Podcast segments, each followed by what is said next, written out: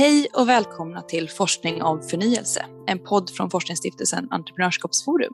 Jag heter Pernilla Hed och i detta avsnitt har jag med mig Hans Sjögren som är professor vid Linköpings universitet och vid Handelshögskolan i Stockholm och även aktuell med Entreprenörskapsforums rapport Idéburen arbetsmarknad, ett nytt samhällskontrakt efter pandemin. Välkommen Hans! Tack så mycket! Eh, den här rapporten som du har skrivit är ju framtagen i ett samarbete mellan Entreprenörskapsforum och Nysta som är civilsamhällets nystartsgrupp för ett nytt samhällskontrakt. Och eh, i den så behandlar du hur svensk arbetsmarknad kan dra nytta av innovationskraften inom civilsamhällets olika delar och vilken betydelse som filantropiska insatser kan ha. Och eh, du pekar ju på ett centralt problem i vår samtid, nämligen att vi har en ökande andel långtidsarbetslösa och individer som står långt ifrån arbetsmarknaden. Och i det här arbetet med rapporten så har du tittat på vilken roll civilsamhället och de idéburna organisationerna kan ha för att få fler i sysselsättning.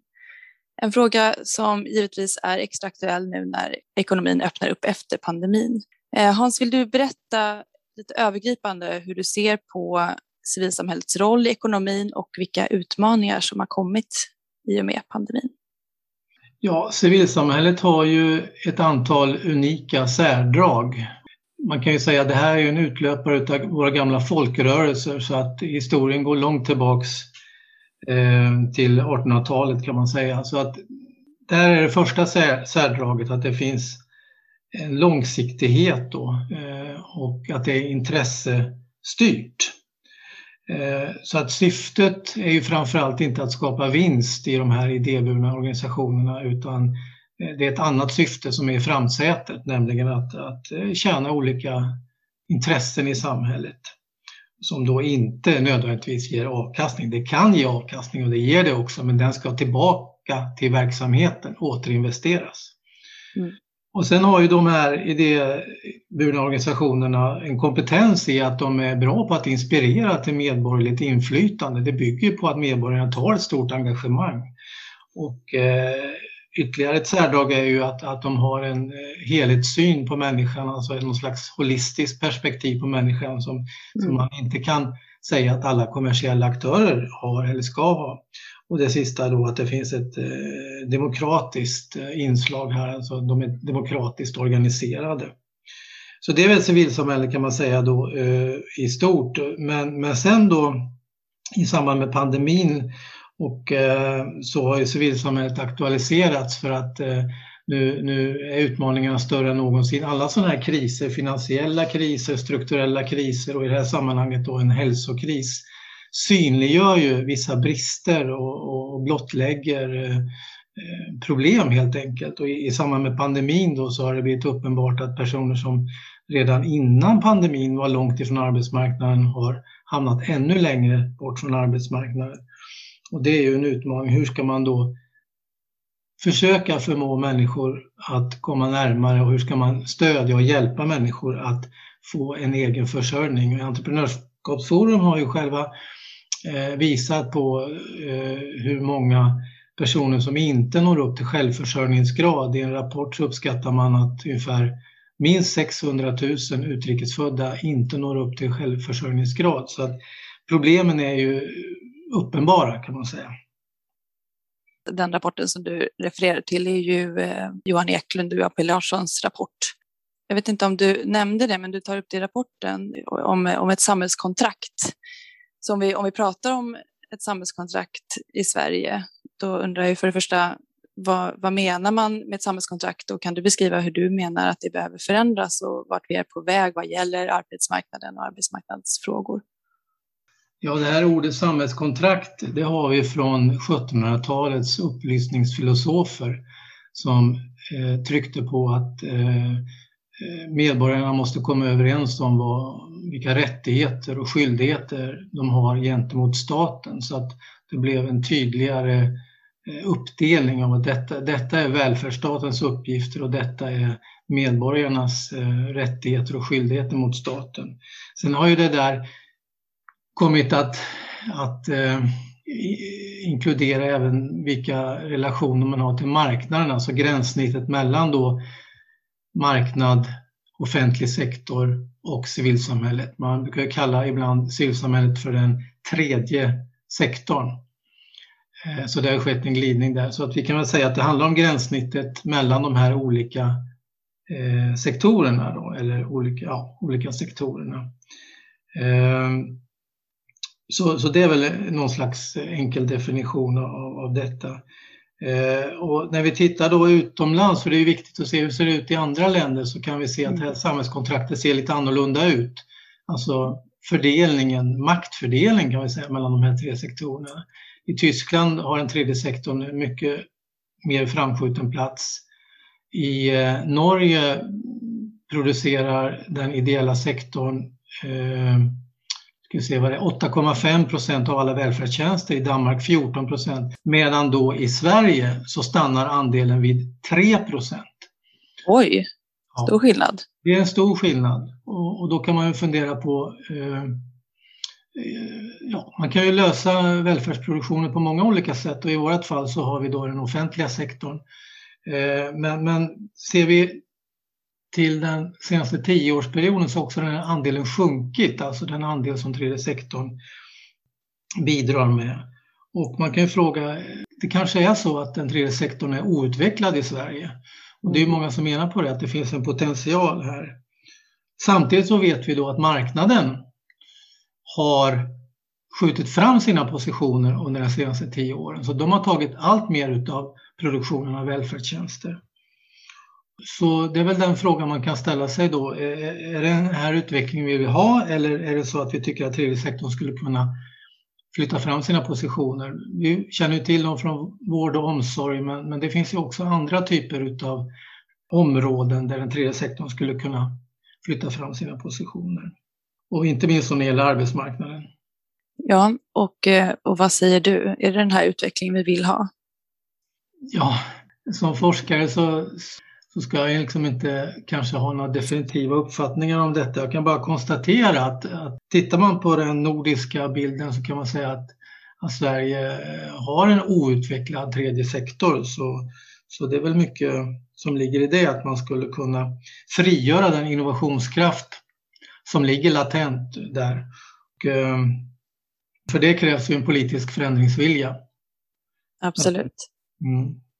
Konkret då, så i rapporten föreslår du att eh, utveckla idéburet offentligt partnerskap. Vill du berätta om det?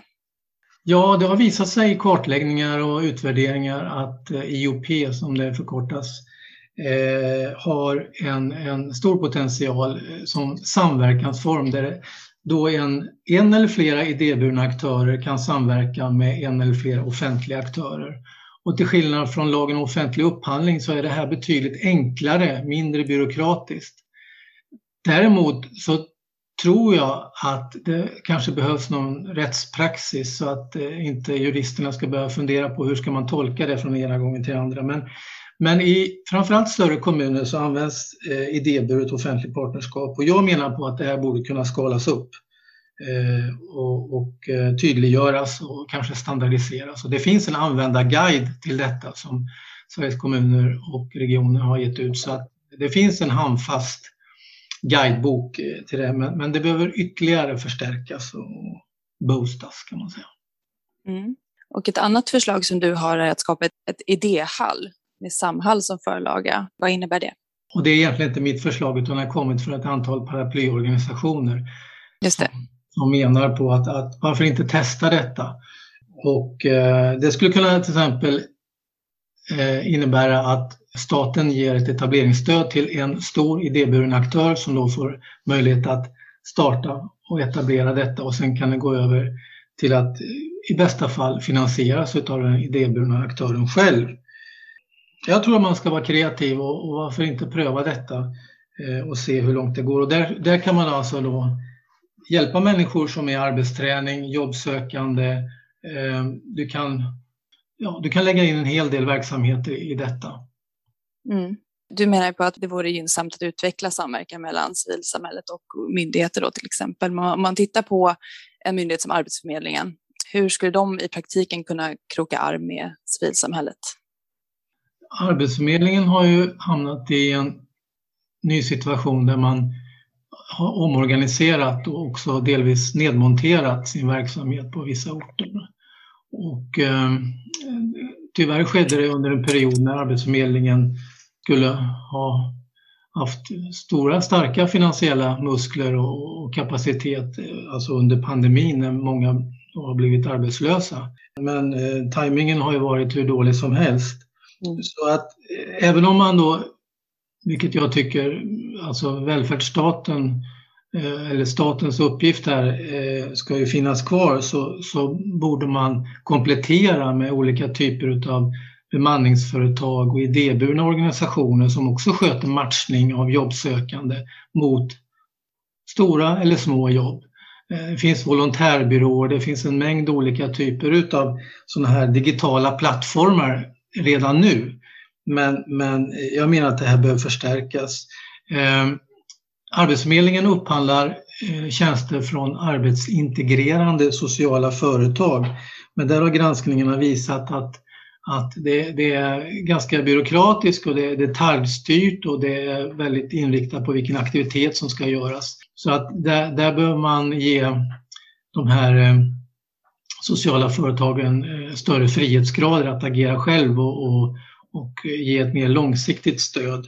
Så, så, att man kan väl säga att en hel del av de här regelsystemen är anpassade av anpassade till att den offentliga sektorn ska driva välfärdstjänster och produktion av välfärdstjänster. Och det är väl det som är det stora paradigmskiftet här. Och, eh, alltså, vi måste tänka om här och, och, ta bort en del av de här regelsystemen för de hämmar eh, den här innovationskraften och möjligheten för idéburna aktörer att flytta fram sina positioner.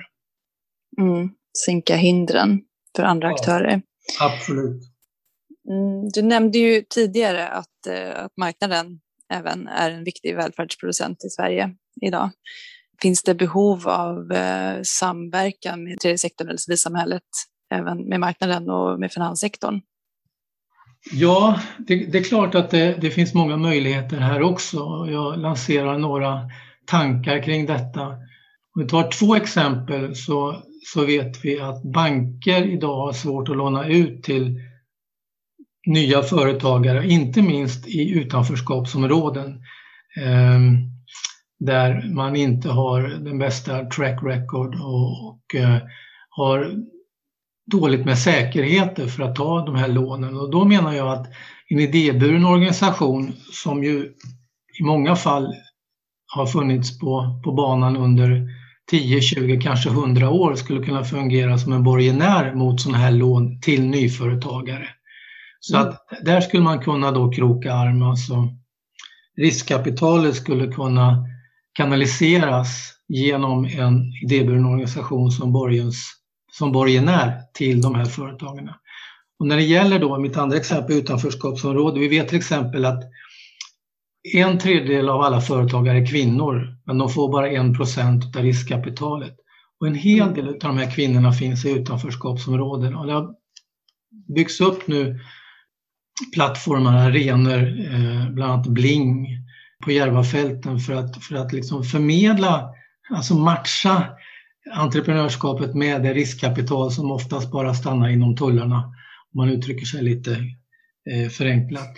Så, så, att hitta matchningen däremellan så att entreprenörer med goda idéer får det riskkapital man behöver. Och det, det, det kan man ju diskutera. Det är mikrolån för utrikesfödda. Man kan använda den här europeiska investeringsfonden som också ger riskkapital till små oprövade företag. Så att eh, det, det, finns möjligheter där men, men, men det krävs en del arbete och att, att de här olika, alltså att det finns en arena där entreprenörer kan möta riskkapitalister och att, och att banker och riskkapitalister intresserar sig mer för den idéburna sektorn för att förståelsen och kunskapen om vad som pågår där har jag förstått är ganska svag. I rapporten så tar du också upp filantropiska insatser. Hur passar de in i den här ekvationen och hur kan filantropiska insatser stärka ökad sysselsättning? Det kan ju förefalla lite spretigt att plötsligt börja prata om filantropi men jag, ja, utgångspunkten är ju att en hel del av finansieringen av den idéburna verksamheten bygger på gåvor och bidrag och, och testamenten och ja, helt enkelt transfereringar som, som sker då från eh, oss medborgare. Kombinerat då med att det är statliga bidrag om man tänker fritids och kultursektorn och så. Det är en blandning helt enkelt. Va? Och intäkter från försäljning av tjänster och så. Men, men, men mitt resonemang går ut på att istället för att höja inkomstskatten och att det statliga bidraget ska bli större till den idéburna sektorn så menar jag på att man skulle ge incitament till frivilligt bidragsgivande från, från medborgare som, som då vill ge gåvor och, och ja, systematiskt stödja idéburen verksamhet. Och då säger varningsklockorna, ja, men vi vill inte ha det som i USA, att det bygger på att, och, och som det var innan välfärdsstaten byggdes upp i Sverige, att det bygger på allmosor från borgerligheten, de som tjänar pengar. Så här är ju en, en ganska infekterad politisk debatt man går in i.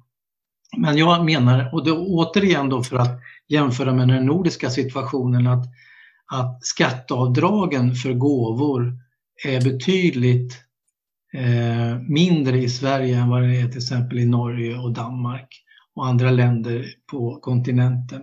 Så, så jag menar på att, att eh, vi, vi bör skaffa bättre incitament för, för att människor ska känna att de vill ge mer tillbaks. Och vi vet, Eh, jag menar förmögenhetsklyftorna ökar, vi har ett antal nya börsmiljardärer varje år och liknande. Och i USA ser man ju hur man ger tillbaka till samhället i stor skala, eh, Det kallas för filantropkapitalism, när man ger väldigt stora pengar. Samtidigt vill man också ha resultat så att det följer ju också ett kontrakt där man, där man eh, vill se att det händer någonting i andra ändan, att det levereras någonting och att det är mätbart det, det som sker. Så, så det menar jag också är viktigt i sammanhanget att eh, inte bara ge pengar utan också följa upp vad, vad händer med mina pengar. Men den här delen går ut på, där har jag konkreta förslag hur mycket de här skatteavdragen ska justeras och så. Eller kanske inte behöver gå in på i detalj, men att ge betydligt mer stimulans till att ge på frivillig väg. Ja, vi, vi refererar till rapporten givetvis för att ta del av lite mer specifika detaljer kring, kring ditt resonemang eh, om filantropi. Men eh, en fråga som dyker upp vad gäller välfärdsproduktion och eh, samhällskontraktet, finns det något annat land som du tycker Sverige bör kika lite extra på för att hämta inspiration för en omförhandling av det här samhällskontraktet som vi har? Jag tycker att man kan titta på flera olika länder och sen se hur kan man anpassa vad de har gjort, det de har gjort bra, till vad Sverige bör göra. Så att jag tänker mig att man inte behöver ha ett speciellt föregångsland utan man tittar på, vi vet att länder, Tyskland, Belgien, Nederländerna, Danmark, det är väldigt bra länder att ha som någon slags benchmark och se hur har de gjort för att stimulera den här sektorn och så plocka det bästa russinen ur kakan helt enkelt. Det skulle jag välja. Ja, slutligen och lite som en sammanfattning så tänkte jag att du kan få ge dina främsta medskick för att stärka den svenska välfärden och för att svensk ekonomi ska få en blomstrande idéburen arbetsmarknad. Vad behöver vi fokusera på framåt? När jag, jag började det här arbetet och, och, och det var inte så länge sedan som jag intresserade mig för detta så såg jag vilken entusiasm det finns i de idéburna organisationer för att göra mer, att skala upp. Eh, för man tycker att man bidrar med någonting speciellt och man har mycket mer att erbjuda. Och så den första insikten här det är ju att det politiska etablissemanget måste släppa loss den här innovationskraften och den här entusiasmen och låta den sprida sig. Och för det krävs ju förmodligen både lagstiftning och att praxis förändras. Eh, och att man signalerar från politiskt håll att det här är viktigt att civilsamhället kommer med i utredningar och blir en röst när reformer ska tas fram. Och återigen, alltså, vi, vi lever i en tid när välfärdsstaten eller den offentliga sektorn var evigt växande och levererande på alla punkter. Men men vi kan nog inte förvänta oss att den utvecklingen fortsätter.